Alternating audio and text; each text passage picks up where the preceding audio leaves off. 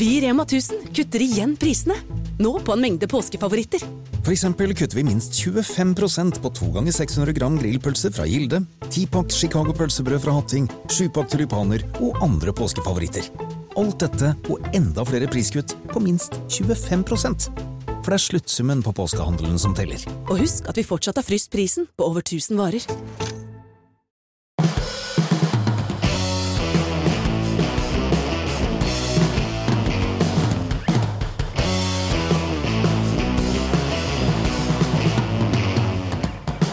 Da er vi endelig tilbake i podkaststudio, Petter. Det er helt fantastisk. Ja, Det har vært et langt opphold nå.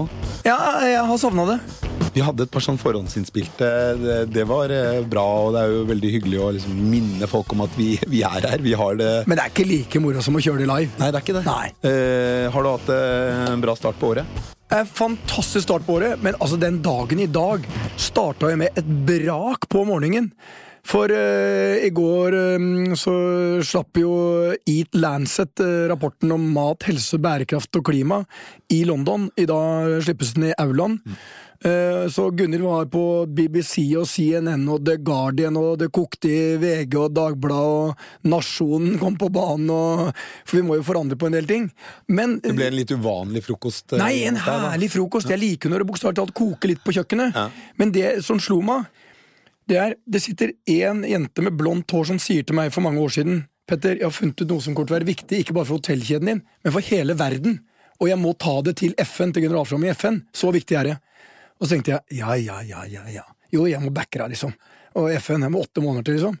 Åtte måneder senere satt jeg i salen og så øh, Gunne gå inn på scenen, øh, fulgt av Ertring Kassin, øh, ledet av WHO, og ikke minst øh, Jeffrey Sachs, en av verdens fremste økonomer. Men det handler om enkeltmennesker som setter seg et fantastisk mål, som nesten virker umulig. Og i dag er vi så heldige at jeg tenkte noen av de sterkeste eh, jentene jeg har møtt, de er sånn som bare bestemmer seg. Jeg skal få til det her. Og eh, jeg våkna med en, og jeg står foran en nå. Ja. For Ingrid Røynesdal som sitter her nå, eller som står her nå, hun er jo sånn eh, jente som eh, bare bestemmer seg for en ting. Em, og jeg er helt sikker på at hun kommer til å lykkes. Ja, Vi har tidligere vært innom eh, CV-en din, Ingrid Røynesdal. Velkommen. Tusen takk. Den er jo lang som et vondt år, til tross for en ikke altfor høy alder, og eh, vi er veldig imponert over den.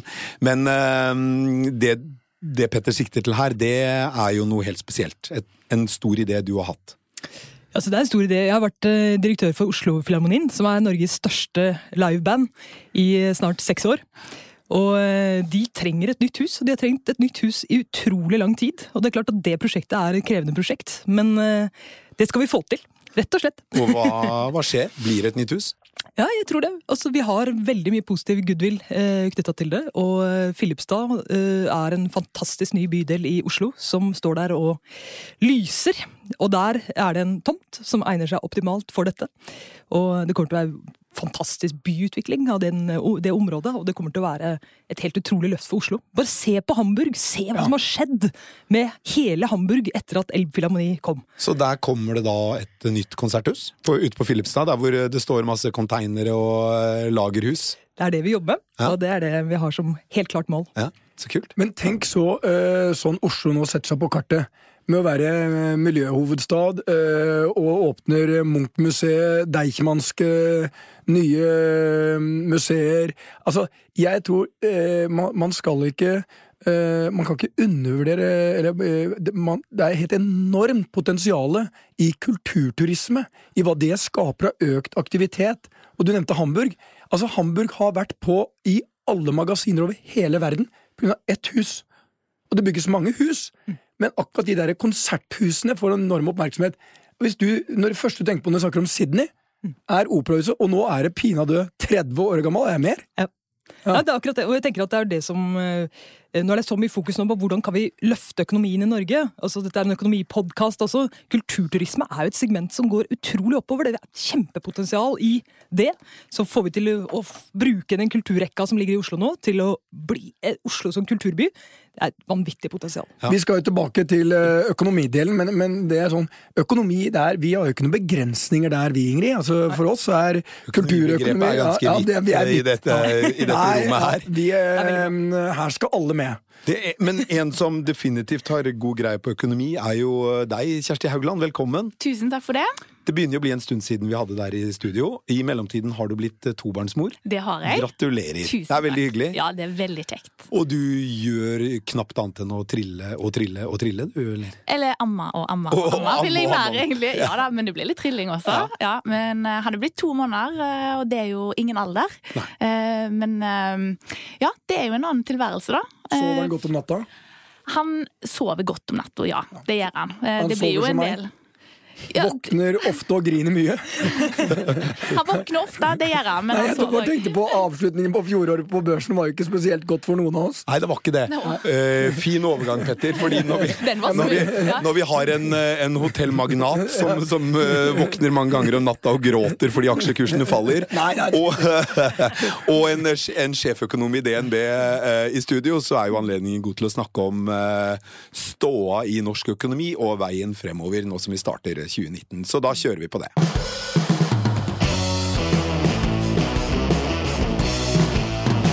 Kjersti, hvordan ser det ut? Man får inntrykk av at alt bare faller og faller, og det går jo åt skogen eh, internasjonalt, og eh, det, det, man kan jo bli deprimert av å lese økonominyhetene. Ja, det skjønner jeg godt at folk kan bli. eh, Fordi at det, er rett og slett blitt mye mer dramatisk. 2018 var et mye mer dramatisk år enn det vi har opplevd på lenge. F.eks. i aksjemarkedet. da. Eh, Og det har jo sammenheng med det at eh, dette tiåret vi har hatt etter finanskrisa, det har vært prega av eh, enorme politikkstimulanser som nå er i ferd med å bli fjerna internasjonalt. Det handler om pengetrykking og lave renter. Det er det det gjør. Er ekstremt lave, renter og, og pengetrykking, som vi liker å kalle det, som har ført til at verdipapirmarkeder har steget veldig eh, sterkt i lang tid, uten noe korreksjon. Men 2018 så begynte jo disse stimulansene å eh, reduseres, og faktisk så er det nå eh, tegn til at det blir stramma til, og at eh, disse balansene til sentralbankene, altså pengetrykkingen, går i motsatt retning.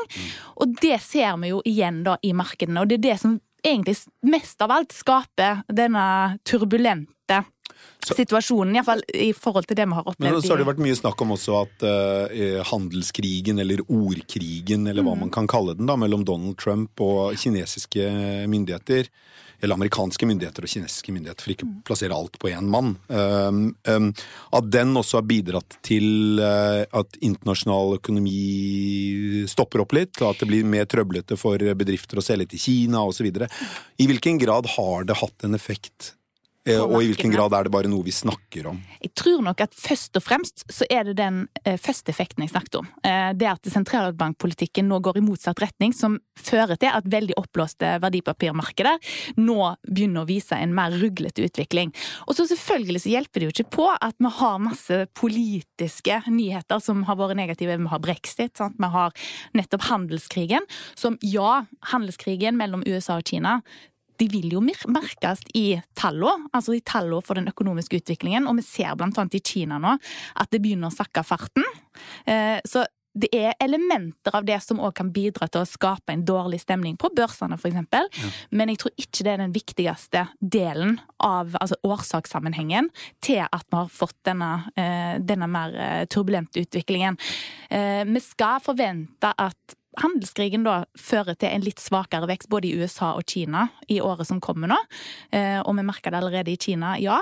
Eh, men jeg tror ikke det er grunn til å forvente noe kollaps. Eh, det er ikke så dårlige nøkkeltall rundt omkring, og ikke minst Kina sine myndigheter. De har allerede begynt å trø inn gasspedalen ved hjelp av stimulanser for å nettopp motvirke Så, så de gjør det nok en gang, ja? Nei, jeg, jeg- tenkte det når du snakker om det. det er, noe av utfordringa her er jo sånn Vi må jo finne avkastning et eller annet sted. Og når ikke du får avkastning på obligasjoner, da er aksjemarkedet eller eh, fast eiendom realaktiva stedene du henter. Men jeg leste jo om fiolinen til eh, Arve Tellefsen. Mm. Og, og det slo meg at han hadde kjøpt den for noen kroner, og så solgte den for 80 millioner. Med rett til å spille på en helt annen dør. Um, og man tenker jo på da Fy fader, det der er jo helt spinnvilt. Men så var det noen som hadde gjort en interessant øvelse. De putta like mye penger inn i aksjemarkedet som han putta i fiolinen, og så så de hvordan dette gikk over 30 år. Og dette viser aksjemarkedets fantastiske eh, fortreffelighet når det gjelder avkastning. For du hadde hatt mer enn dobbelt så mye penger. Hadde det? Ja, og det er det, er det som er fascinerende. Så eh, selv har jeg da gått på en liten eh, karamell i fjor. eh, Blåst av godt med penger. Men jeg vet jo at jeg har vært med så lenge at det gjelder bare å sitte igjennom. Og ikke liksom og, og vi har jo, Ingrid jeg kjenner jo noen som driver og kjøper veldig mye instrumenter og låner det bort og sånt nå. Men det har jo også vært en fantastisk verdiutvikling. Det er jo, han eier vel en sånn Stradivarius, eller eide Arve Tellefsen, var det ikke det? Ja, altså det skal ikke gå inn på alle detaljer, men det er, det er flere veldig veldig dyre fioliner. som er- Stradivarius, at det- det er vel i hvert fall en fiolinmaker tilbake på 1700-tallet, eller noe annet sånt, og de er fiolinene regnes som noen av de aller, aller beste. Har dere noen sånne dyre instrumenter hos dere? Vi har gode instrumenter hos oss. ja. Men hva er en dyr eh, sånn vegg-til-vegg-fele? Sånn, eh, hva heter det? Men folk hos oss eh, Og tenk på kontrabass. kontrabass. Ja. Men det er ikke størrelsen det kommer an på. Gunhild sier det motsatte. ja, det er Fiolinene faktisk de som er, Er dyrest? Mm. Ja. Men hva er de dyreste greiene i det, rock, nei, det bandet deres, da? Nei, vi snakker ikke om eh, Ja, men sånn men cirka? Nei, men det er, det er, uh, Er det flere million, mange millioner? Ja, det er, det er dyre ting. Har dere instrumenter til flere titalls millioner i konserthuset? Nei, men Jeg kommenterer det ikke, for det er klart det, dette Men hvem er det som betaler dette? Eh, vi, de, eh, det er ulike løsninger, og blant annet så er det jo private investorer i Norge som har som du sier, investert i fioliner, som eh, også kommer norsk musikkliv fantastisk til gode. Så, men jeg tenker at, bare for å stå litt sånn utenfra og si at ok, når man altså betrakter aksjemarkedet litt fra katedralsiden, da, ikke sant? og så er jo, som du sa Petter, altså ting skal jo henge sammen i et samfunn, det er børs og katedral, men når man står da på katedral og titter på børsen, så tenker man ok, det går opp og ned. Eh, helt åpenbart. Veldig dramatisk noen ganger, i begge retninger. Men jeg tenker, ligger det ikke noe utrolig potensial i den lille bekymringen som er nå? Ligger det ikke nettopp muligheter for å gjøre en del endringer? Altså Man tenker jo vanlig som bedriftsleder at ved sense of urgency så finnes det noen åpninger som ikke finnes i medgangstider. Altså, De største mulighetene ligger når ofte dramatikken eh, er størst. Altså når panikken tar av. Så eh, Det er vel omtrent som når du er, eh, er eh, Når det, en, han dirigenten står der sånn, så går de sånn Plutselig så braker det til, liksom. Da våkner du litt. Ja. Men det som skjer, det er at det, var vel Warren Buffett som sa eh, du skal være grådig når andre er redde, og redde når andre er grådige. Og litt sånn er det. Hvis du bare følger saueflokken, så er det litt risikofylt. Men min opplevelse er det som jeg har bygd mye av mitt selskap på, er jo det å gå inn. altså Sten og Strøm 1992. altså De krisene vi har hatt. 2008 var jo bra for meg. For da var det ingen som torde å gå inn og gjøre nye hoteller og gjøre ting. Så, øh, men vi har jo, øh, det som er også interessant, er at det, det er veldig lett for oss Kjersti, at vi ser ut og vi er bekymra for Kina, og, og vi er jævla bekymra for han gærningen i USA. og Det, jo, det går ikke en dag uten at han slår til med noe nytt. Eh, men det jeg tror vi også skal se på, det er Det ser jo veldig bra ut for de nordiske landene. Altså, Hvis du ser på forventet BNP-utvikling, altså vekst i Norge, Sverige, Danmark og Finland Finland begynner å komme ordentlig tilbake. Sverige ser veldig bra ut. Norge, spesielt litt drevet av olja, at de er tilbake. Men Kjersti, det ser jo ganske bra ut her oppe i nord. Absolutt, og Norge jo, har jo absolutt lyse økonomiske utsikter. Men når det er sagt, så hva er lyse økonomiske utsikter? Fordi vi har jo bak oss eh, et tiår og to med veldig sprek økonomisk vekst og kontinuerlig veldig sterk oppgang i boligprisene. Som har vært til glede for iallfall de som har vært og kommet seg inn i boligmarkedet. Um, vi tror jo ikke på at dette skal fortsette uh, i tida som kommer nå, men uh, vi skal få en litt mer stabil økonomisk vekst uh, på litt lavere nivå enn det vi har vært vant med tidligere. Mer sånn som andre land har. Men det er jo tross alt en ganske så positiv utvikling, og vi ønsker jo Ja, egentlig ikke men- noe boblete utvikling, verken for Norge eller Sverige, for vi har jo litt sånn fellestrekk med høy gjeld, sterkt boligmarked over mange år. Det kan være greit at dette her roer seg litt. Men jeg skal stille deg et enkelt spørsmål, Kjersti. Jeg sitter og hører på podkasten nå, og så står jeg i ferd med å kjøpe bolig. En leilighet i Oslo. Og jeg har bestemt meg at den jeg kjøper nå, der skal jeg bo i ti år. I en skala fra én til ti, hvor bekymra bør jeg være? Jeg er villig til kjøpe boligen, låne 70% og binde renta i ti år. Ja, jeg syns ikke du skal være noe særlig bekymra. Skal jeg si et enkelt svar? Eh, to. Ja. En Ja. toer. ja, Det er nesten ikke bekymring. Ja. Det er Det er nesten ikke bekymring. Nei, for poenget har du lang, jeg, Hvis du går inn i boligmarkedet for å spekulere over en kort periode, eh, høyt gira, og med visshet om at eh, dette her objektet Altså, skal du ikke gira, ha lenge høy gjeld. Høy gjeld, ja. Eh, Da er det ingen god idé akkurat nå, og det er stor usikkerhet knytta til hvordan det kommer til å gå, men det er viss nedside her. Men jeg er ikke bekymra for boligmarkedet i Oslo, f.eks.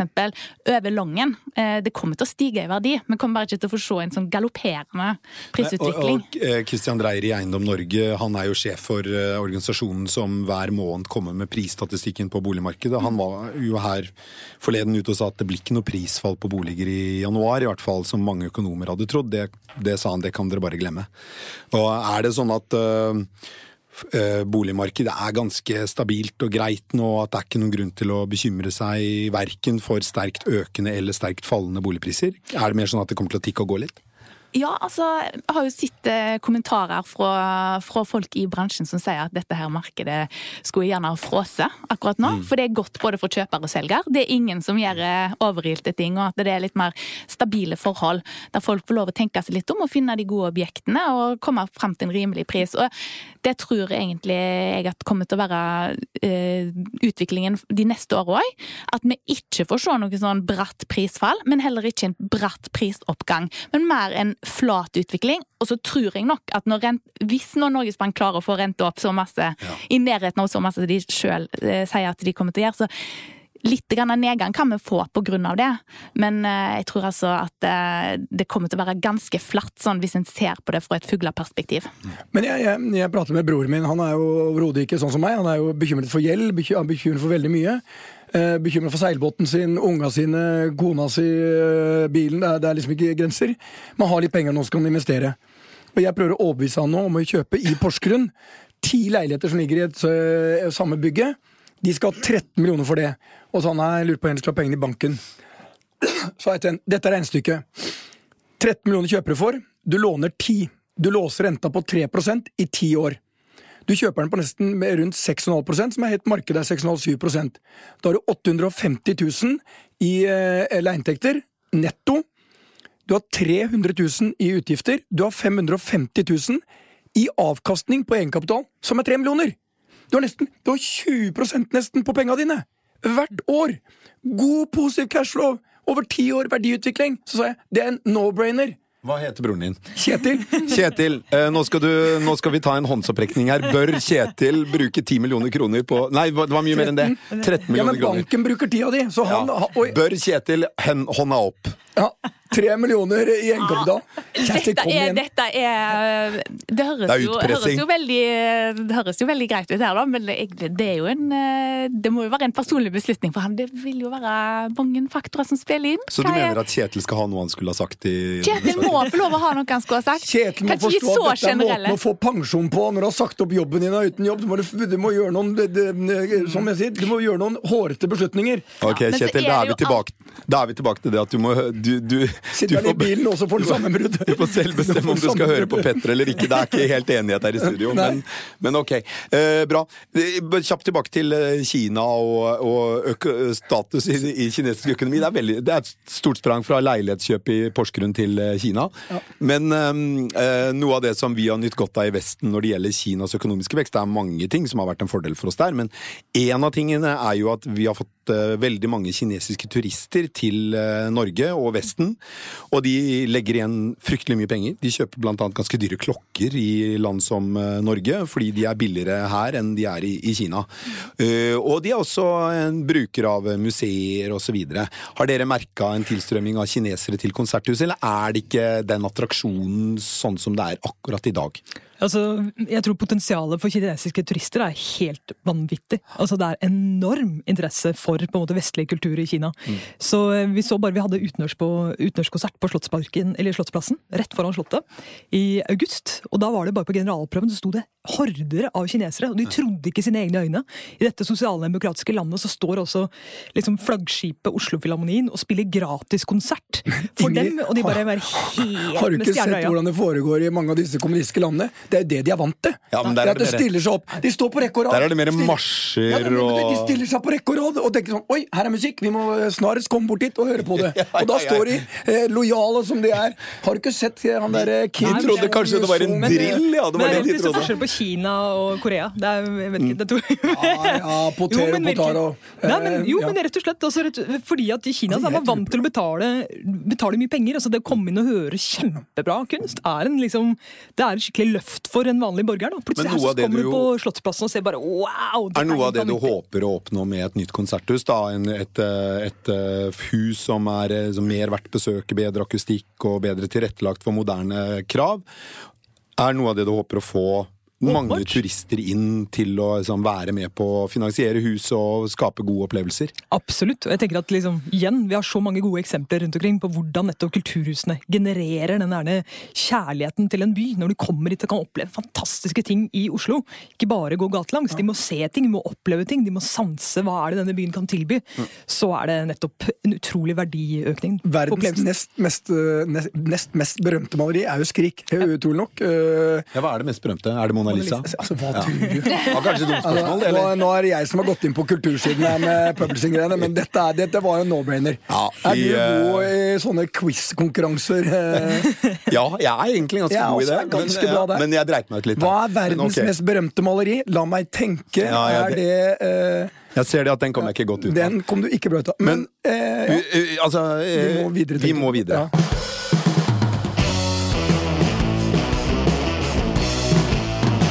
Ok, så Denne uken har jo dramaet i eh, Storbritannia fortsatt med brexit. Verdenshistoriens, eller kanskje ikke verdenshistoriens historiens dårligste idé, men en av de dårligste ideene de siste årene, i hvert fall. Ja. At uh, det fantastiske landet Storbritannia skal melde seg ut av EU. Ok, en dårlig idé, men de har noen gang bestemt seg for det. Uh, men denne uken så gikk Theresa May, statsministeren, på et nederlag i Underhuset. Hun får det ikke hun får ikke politikerne med seg, og landet er jo fremdeles ganske delt. Eh, I Sverige så har de jo nå, ser det ut til, endelig fått en, eh, en regjering. Eh, Så der slipper de i hvert fall nyvalg, ser det ut til. Noe vi jo spådde i vår nyttårssending, Petter, at det kanskje vil skje med brexit. Vi, vi tror jo fremdeles på det. Ja.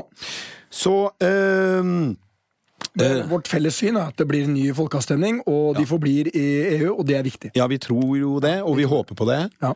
Uh, ja, ok. Så uh, hvis vi skal prøve å løfte blikket litt da, og tenke på hva, hva betyr brexit, hva er egentlig brexit, hvorfor, uh, hvorfor uh, er det så trist, så handler det vel, i hvert fall for meg, handler det jo mye om at eh, at Storbritannia fokuserer kun på seg selv og sin egen navle, og ser ikke på alle verdiene det har, og samarbeider tett med landene rundt seg, og, og være en del av et større fellesskap.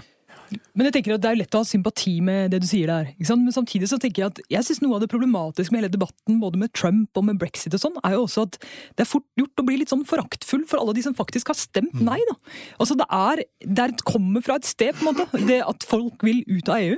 Eh, og hvis man liksom ikke virkelig kjenner på og tar på alvor hva er det dette er for noe, for det er, ganske, det er en substansiell del av befolkningen, så tror jeg man er med på egentlig å akselerere den friksjonen og den, det Og hvor tror du det kommer fra? Nei, men Det kommer selvfølgelig fra en, en eh, altså historia, da, det vet man jo fra en klasse som virkelig har fått veldig kjenne på kroppen at uh, altså EUs også krevende sider. Og det tenker jeg at eh, det er jo de utfordringene man ikke har klart å løse, som, uh, som er grunnlaget for at man står der man står. Så på en måte så tenker jeg liksom, det er lett å stå i Norge og tenke søren eller liksom, dette er jo helt håpløst. Men, uh, men jeg kjenner at jo mer den kommer, jo mer får jeg også slags sånn kjærlighet for det folket som står der nede og har mista jobben sin og virkelig ikke får endene til å møtes og virkelig bare antageligvis kommer enda dårligere ut med brexit, men samtidig har hatt behov for å markere. Og, ja, og, men, men igjen tilbake hva, hvor kommer det fra? Hva er det de har behov for å markere? Hva, hvorfor frykter de det å være en del av EU? Nei, altså De har behov for en endring. Det er litt det samme jeg tenker i USA også. Det er sikkert noen som har veldig stor tro på Trump, men de har bare det er behov for at noen på en måte ser dem, noen gjør noe med noe som de mener ikke fungerer. Det er sånn jeg leser det, i hvert fall. Kjersti, du nikker når Ingrid snakker. Jeg kunne ikke vært mer enig, eh, egentlig. Jeg syns at den norske debatten, og det er for så vidt den internasjonale debatten, eh, ført i media, er ekstremt ensidig og har lite lite respekt for nettopp det som majoriteten har valgt da, eh, i England. Eh, I USA Nå var det ikke et rent flertall der, men det var nå Trump som vant. vant. Vi må liksom gå bak hva er det som egentlig har skjedd, og hvis vi ikke liker resultatet, så må vi heller fikse det som var eh, grunnen til at eh, disse resultatene kom. For folk vil ha endring. Folk føler seg utrygge. En veldig stor del av Eller en betraktelig En, en betydelig del da, av befolkningen har ikke fått merke globaliseringens gevinster på kroppen. Tvert imot så har de stått stille, eller til og med gått ned i lønn i tiåret som har gått, av at eh, grensene har blitt åpna. Iallfall oppfatter de det sånn at det er derfor de har nettopp opplevd dette her. Så har nok teknologisk utvikling hatt en del med dette å gjøre òg. At de har mista jobbene sine eller fått dårligere lønnsutvikling. Eh, og det at det er så ekstremt klassedelte samfunn, altså UK, Storbritannia, er jo definitivt noen av de som har de største eh, forskjellene mellom folk. USA òg. Det er ikke tilfeldig at vi får disse mer ekstreme utslagene akkurat i disse landene her. Så da kan tenke jeg at det er det som skjer. Etter veldig mange år så vil, har folk fått nok. Og da kan en si at en, ikke, at en ikke vet sitt eget beste, men kanskje er det faktisk sånn. Vi kan iallfall ikke utelukke at disse gruppene kan få det bedre med et sånn type alternativ. Iallfall relativt sett. da. For det er jo sånn, i, i, i Norge så utgjør jo ikke, eller representerer jo egentlig ikke østeuropeisk arbeidskraft, som i stor grad har flyttet seg eh, eh, over landegrensene med det frie markedet i EU. Det truer jo i realiteten ikke norske arbeidsplasser i nevneverdig grad, fordi det fyller et behov i markedet for eh, eh, jobber eh, hvor lønningene er lave, og hvor det ikke er tilstrekkelig med arbeidskraft her hjemme. Ja. Mens, og, og, og dessuten så har polakker, rumenere og andre har jo ikke noe spesielt lyst til å bli boende i Norge og måtte lære seg norsk og sånn, men når det gjelder Storbritannia, de kan sannsynligvis engelsk fra før. De går inn i et arbeidsmarked hvor lønningene er vesentlig lavere, sånn at de går head-to-head konkurranse med ganske mange briter på mange jobber. Og dermed så er jo situasjonen i Storbritannia en helt annen enn i Norge, fordi der er det en reell konkurranse om jobbene mellom briter og østeuropeere spesielt, som flytter til Storbritannia og snakker engelsk fra første sekund. Men- så det gjør jo situasjonen helt annerledes fra Norge til Ja, og vi har jo hatt en ekstremt god økonomisk utvikling nå i lang tid, og Ja. etter finanskrisen, noe Storbritannia ikke har hatt. Eh, De har hatt veldig tøffe år etter finanskrisen, så det er jo klart at når krybba blir tom, da bites hestene. Og Mm. det er jo derfor vi har sett misnøyen har eh, velta opp, eh, vi har- ser det politisk i valg osv. rundt omkring i Europa. Vi ser ikke det samme grad i, i Norge, fordi at vi har hatt en veldig god økonomisk utvikling tross Mm. alt. Selv om vi har blitt truffet både av finanskrise og oljeprisfall, så har det gått veldig godt med økonomien vår.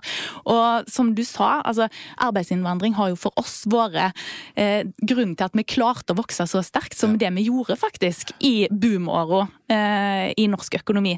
Vi hadde rett og slett ikke klart det pga. flaskehalser. Det hadde ikke vært nok folk til å skape den veksten. Rundt omkring der jeg kommer fra, f.eks. Vindafjord kommune, eh, som har et verft, eh, der, så har jo definitivt, og, og det største privateide slakteriet i Norge, Fatland, eh, der har det jo de, Det er jo utenlandsk arbeidskraft som virkelig har fått eh, produksjonen til å vokse der. Ellers hadde det ikke gått, rett og slett. Men det er jo lett her å ikke se skogen for bare trær. For at, det er veldig lett å kritisere liksom disse 20 000 som bestemmer hvor mye agurka skal bøyes, som sitter i Brussel. Men det vi ikke må gjøre med Jeg hadde et møte med Martin øh, øh, Lorentzon, øh, altså en av grunnleggerne til Spotify, i Stockholm for veldig kort tid siden. Og han tok opp Du var innom teknologi. Og han sa hvorfor Og vi diskuterte litt EU. Og jeg er jo da mener at Norge har gjort en del meget kloke valg. Ehm, Men eh, så sa han Petter, vet du hvorfor EU er viktig for oss i fremtiden? Ikke bare internasjonale selskaper som skal skattlegges på en måte som kommer oss alle til gode. Men altså, for oss som jobber med teknologi, så kommer disse internasjonale gigantene, Apple, Amazon, de går inn og definerer og invaderer oss på en måte som noen må ta tak i. Det klarer ikke et enkeltland. Og han tok et eksempel.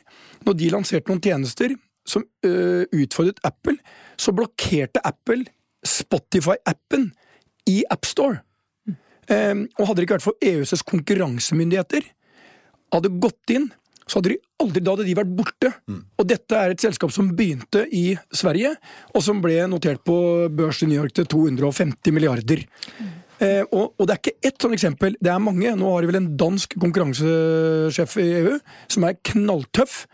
Um, og det samme ser du på skatt. Apple i Irland var det vel, som også ble tillagt en kjempeskatt. Um, så jeg tror, selv om vi står på utsiden, så må vi ikke um, unngå å se alle disse fantastiske fordelene det er. Men jeg har jo et syn på dette som sånn EU er eh, stort og litt komplisert. Men Norden, tenk det potensialet vi har. Vi er 27 millioner mennesker. Vi er på størrelse med Canada i bruttonasjonalprodukt. De sitter i G7. Vi er, vi er noen av de mest velfungerende demokratiene i verden. Og så sier han eh, Martin Lorentzon til meg at eh, det stedet i verden som er best å teste, det er Norden. Det er lengst fremme på teknologisk utvikling, ekstremt flink til å ta i bruk ny teknologi. Så de tester Det, altså, det er mye bedre å teste enn å teste i USA. Så jeg tenker sånn, tenk hvilket potensial det ligger i at vi samarbeider mer. At vi lager vårt eget lille Altså det nordiske EU, på en måte det blir noe av det eh, Skal du men, ja, En ny konstellasjon ja, her, altså. Ja, lanserer en ny konstellasjon. Men jeg tenker, Petter, altså, jeg tror for veldig mange steder i verden så ser de på Skandinavia som ett område. Altså, de veit ikke at Oslo er hovedstaden i Norge. ikke sant? Altså, det er noe med Jeg tror at for veldig mange så er dette ensarta området. Så spørsmålet er Jeg har sett at du har liksom vært veldig tydelig på dette med Norden-ideen mange steder. Men jeg tenker, utfordre deg litt. Hva er det som ville vært liksom, Når man ser brexit, man ser hvor vanskelig det er å endre maktkonstellasjoner og alt mulig. Hva er det som vil være positivt add-on ved å samarbeide enda mer, når vi jo tross alt samarbeider veldig veldig, veldig mye sånn som det er? Og jeg tenker at det er masse ting som også er forskjellige mellom landene. Det er økonomisk politikk, det er fordelingspolitikk, det er distriktspolitikk, det er innvandringspolitikk. Som jeg tenker at det er en stor fordel for et land at eh, for, for tillitsdimensjonen, eksempel, at det ikke er så langt unna eh, Stortinget.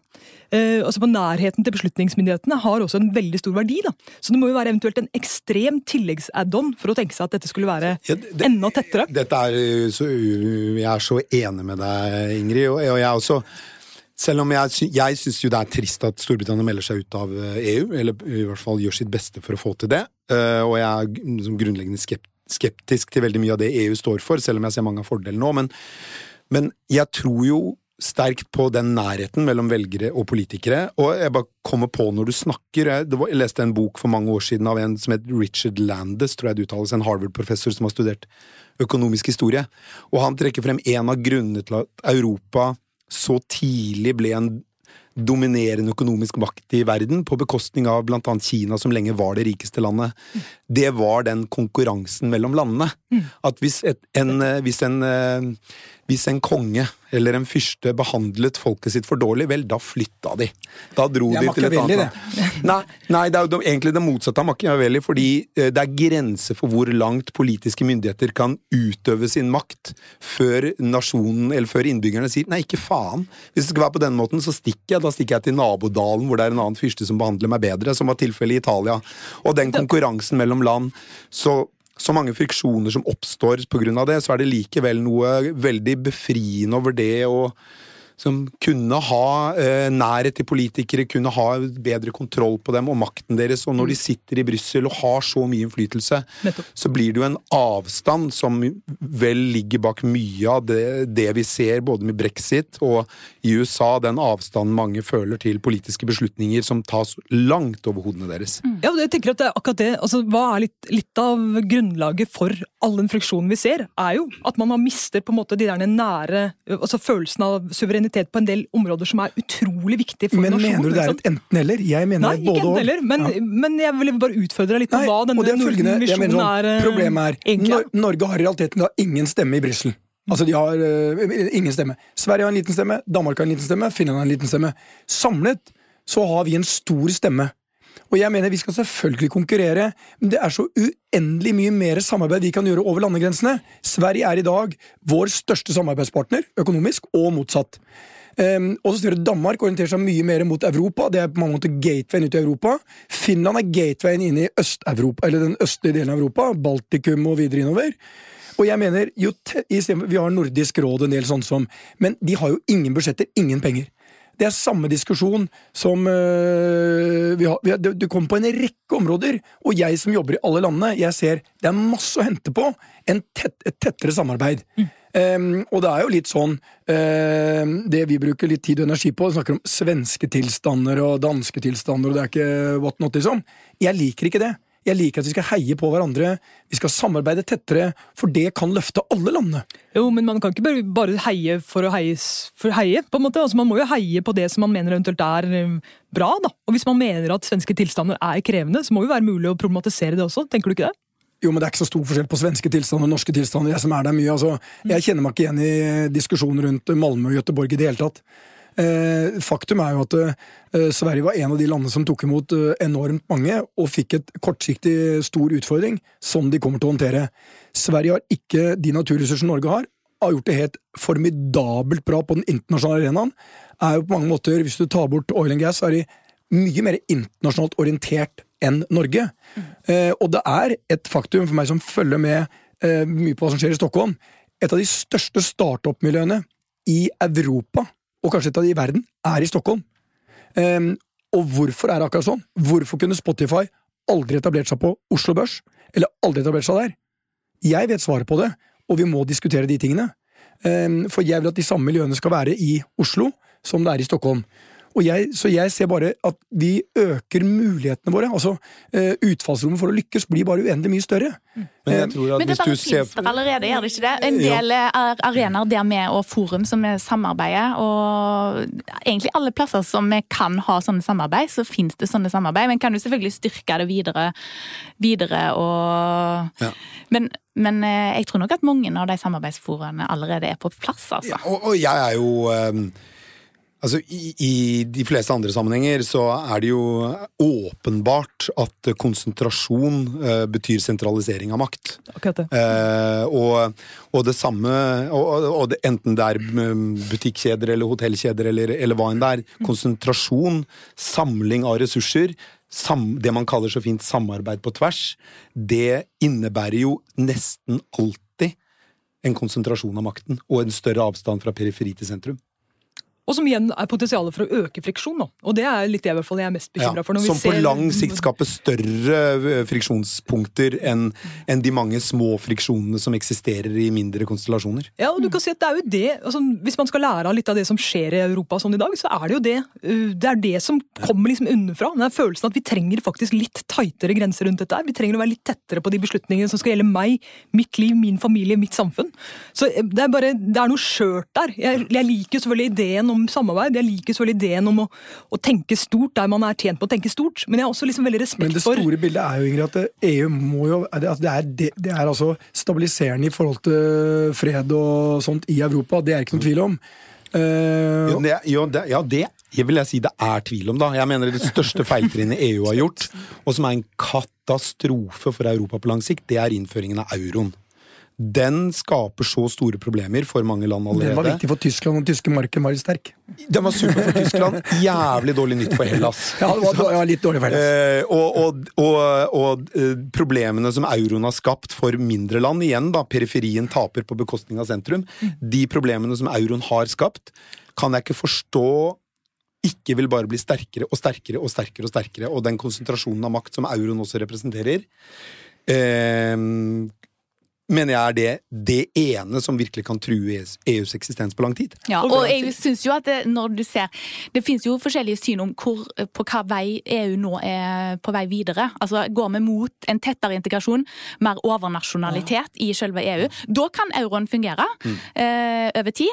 Eller går vi faktisk mot det at eh, nasjonalstatene får eh, mer uavhengighet på forskjellige områder? Og det finnes det ulike syn på. Noen mener at krisen har gjort EU sterkere, og de er nå mer motivert enn på lenge til å gyve løs på det overnasjonale prosjektet. Det tror jeg ikke noe på. Nei. Når du ser de politiske strømningene, så tror jeg det går i motsatt retning, mot et Sant. mindre integrert Europa, og da blir euroen enda mer sårbar på sikt da, enn en hva han er allerede. For det, Hvis du ser på USA som også er en valutaunion, som det jo på mange måter er, så er jo dollaren har jo det fortrinnet at uh, uansett om du bor i Kansas eller New York, så snakker du samme språk. Du kan flytte fritt mellom absolutt alle 50 stater, og ikke bare noen av dem som velger det. Du, det er én valuta i alle land. Det er mye, og de har ikke minst da de har en tilbake til kultur òg. De har en en overordnet idé og kultur som er USA, og som er amerikansk, som EU ikke har, og dermed så er det ikke så lett for en tysker å flytte til Hellas eller en greker å flytte til Portugal, fordi det, det er noen sånn Mobiliteten i USA er helt enorm. Ikke sant? Den er enorm, pluss at de har så mange ting som binder dem sammen, som EU mangler, og dermed så er en felles valuta en kime til ubegripelig store problemer for periferien. Og jeg tror også det er en klisjé å si at det er liksom EU som har stabilisert eh, på en måte at det ikke er i krig i Europa. på en måte. Altså Man har lang, lang erfaring på å vite at demokratiske stater ikke nødvendigvis går i, til krig eh, med hverandre, eller i hvert fall det er en veldig høy terskel. Så jeg tenker at det, det er mange faktorer her, og jeg vet ikke om Altså, Det er så mange problematiske sider ved EU, så jeg tenker at det er en, det er en interessant mulighet nå med brexit. Det virkelig, vil jeg tro. Og igjen, endring gir noen muligheter. Eh, hvis EU nå kan på en måte lære noe av det som skjer, og virkelig stramme det til det, det beste. og, og få ut det som ikke funker. At, eh, hvis dere er på innsiden, så kan vi diskutere og gjøre endringer. Mm. Og jeg er ikke uenig i de tingene, det er jo bare å se på de gule vestene i Frankrike og sånn. Ja, Men jeg tror også man må se litt på hva er årsaken til at dette skjer. Mm. Og det er det du er innom, Ingrid, at uh, du føler deg litt uh, umyndiggjort på en måte. Altså marginalisert. Uh, og det er jo de utfordringene, og da er det lett å peke på noen grupper. Men jeg tror det er veldig farlig. Altså Selv i Norge ser vi, vi ser, altså, Ytterst høyresida har vokst i samtlige land i Europa nå. og jeg er redd for at mange av de kreftene kan være destabiliserende ikke bare for EU, men for også for enkeltland. Og det er jeg veldig redd. Og det er derfor jeg sier La oss prate mer om hvordan vi kan løse utfordringene som uh, man ser i deler av også Norden, uh, istedenfor å uh, bare snakke om problemene. For hvis vi snakker bare om problemene, så blir disse menneskene vi snakker om, eller de gruppene, de blir et problem. Og det kan være farlig. Jeg er helt enig, helt enig i det. Men samtidig som, altså jeg opplever ikke, altså Det er vel det som har vært kritikken mot det svenske media og svenske offentligheten, dette om at man ikke har våget å snakke om det. og Da øker jo også friksjonen veldig. så ikke sant? Dette er en balansegang. Man må ha en åpenhet, man må kunne snakke, man må kunne være utrolig forskjellig på den debattarenaen. Jeg må si at det jeg er mest bekymra for, er den der kommentarfeltkulturen. Det syns jeg er bekymringsfullt. Hvor du virkelig nå på en måte begynner å faktisk tighte det til igjen. Du får ikke den åpne ytringsfrihetskulturen som vi slår oss på brystet og sier at vi har. Fordi at nå øker friksjonen, men muligheten for faktisk å være uenige, den, eh, den blir faktisk mindre, da, sånn som jeg opplever den. Ok, eh, Ingrid. Ja. Eh, det er dritbra. Jeg er enig i alt du sier. Jeg synes det er Kanonbra. Vi må videre. Vi må videre.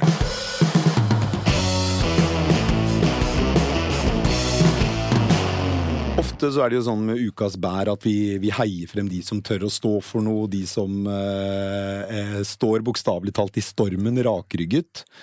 Uh, og denne ukas bær er en mann som sto i stormen, men som kanskje ikke kom så heldig ut av det som han hadde håpet og trodd. Vi snakker om uh, NRK-journalist Nils Meren i Troms, han skulle dekke en eh, storm på såkalt standup, tror jeg det heter, når du skal snakke til, eh, til seerne live fra stedet. Ja. Eh, det blåste noe koko mye. og en av de tingene Og det er jo noe med det at vi vet jo alle som har vært i, i, i stormen, altså i bokstavelig talt, som har vært opplevd en storm, er at du mister litt retningssans, hodet fungerer ikke like godt som det skal, du glemmer kanskje litt ting og sånn. Det Nils Meren hadde glemt, det var jo at buksesmekken var åpen. Ja. På TV. Ja. Og det var litt flaut. Og NRK eh, skriver da om sin egen journalist eh, Eller nei, det er ikke NRK, er det jeg beklager, nå har jeg glemt kilden. Eh, jeg tror det var Nordlys. I hvert fall NRK-meren i hardt vær, kolon, buksesmekken åpen, utstyret blåste bort. bort? Ja, Det var tross alt bedre enn at jeg hadde skrevet 'buksesmekken åpen'. Reporter uttaler 'død fugl faller ikke ut av redet'. ja, ja, ja.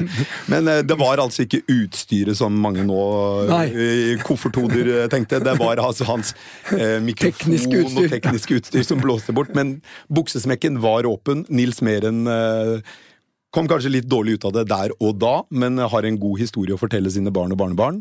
Og vi sender et bær til Nils Meren. En, og en lue som jo Den er ganske stram rundt hodet, sånn at den, den skal sannsynligvis ikke blåse bort. Nils, ha den på neste gang du er standup. Ja. Uh, Dra opp smekken, ta på jordbærlua, uh, og tenk på at uh, når det blåser, bare stå i det, uansett om smekken er åpen eller ikke. Kjør på, Nils. Da er vi ferdige med denne ukas sending. Årets første ordinære sending, Petter. Ja. Det, det, det, de det går jo aldri helt som vi tror det skal gå i disse sendene. Litt sånn om som aksjemarkedet. forventet, litt som aksjemarkedet. Men eh, det vi tror, er i hvert fall at vi snakkes igjen neste uke her i dette studioet. Eh, vi må jo da takke to helt fantastiske gjester. Ingrid, Ingrid Røynesdal, sjef for Oslofilharmonien, og Kjersti Haugland, uh, sjeføkonom i DNB, og uh, en ammende og trillende fersk tobarnsmor. Kos deg i permisjonen frem til du overlater stafettpinnen til din mann. Jeg tror vi høres igjen før, før, før det. Ja, det er bra. Truls Johansen har produsert denne sendingen som vanlig, og vi snakkes igjen neste uke. Det gjør vi.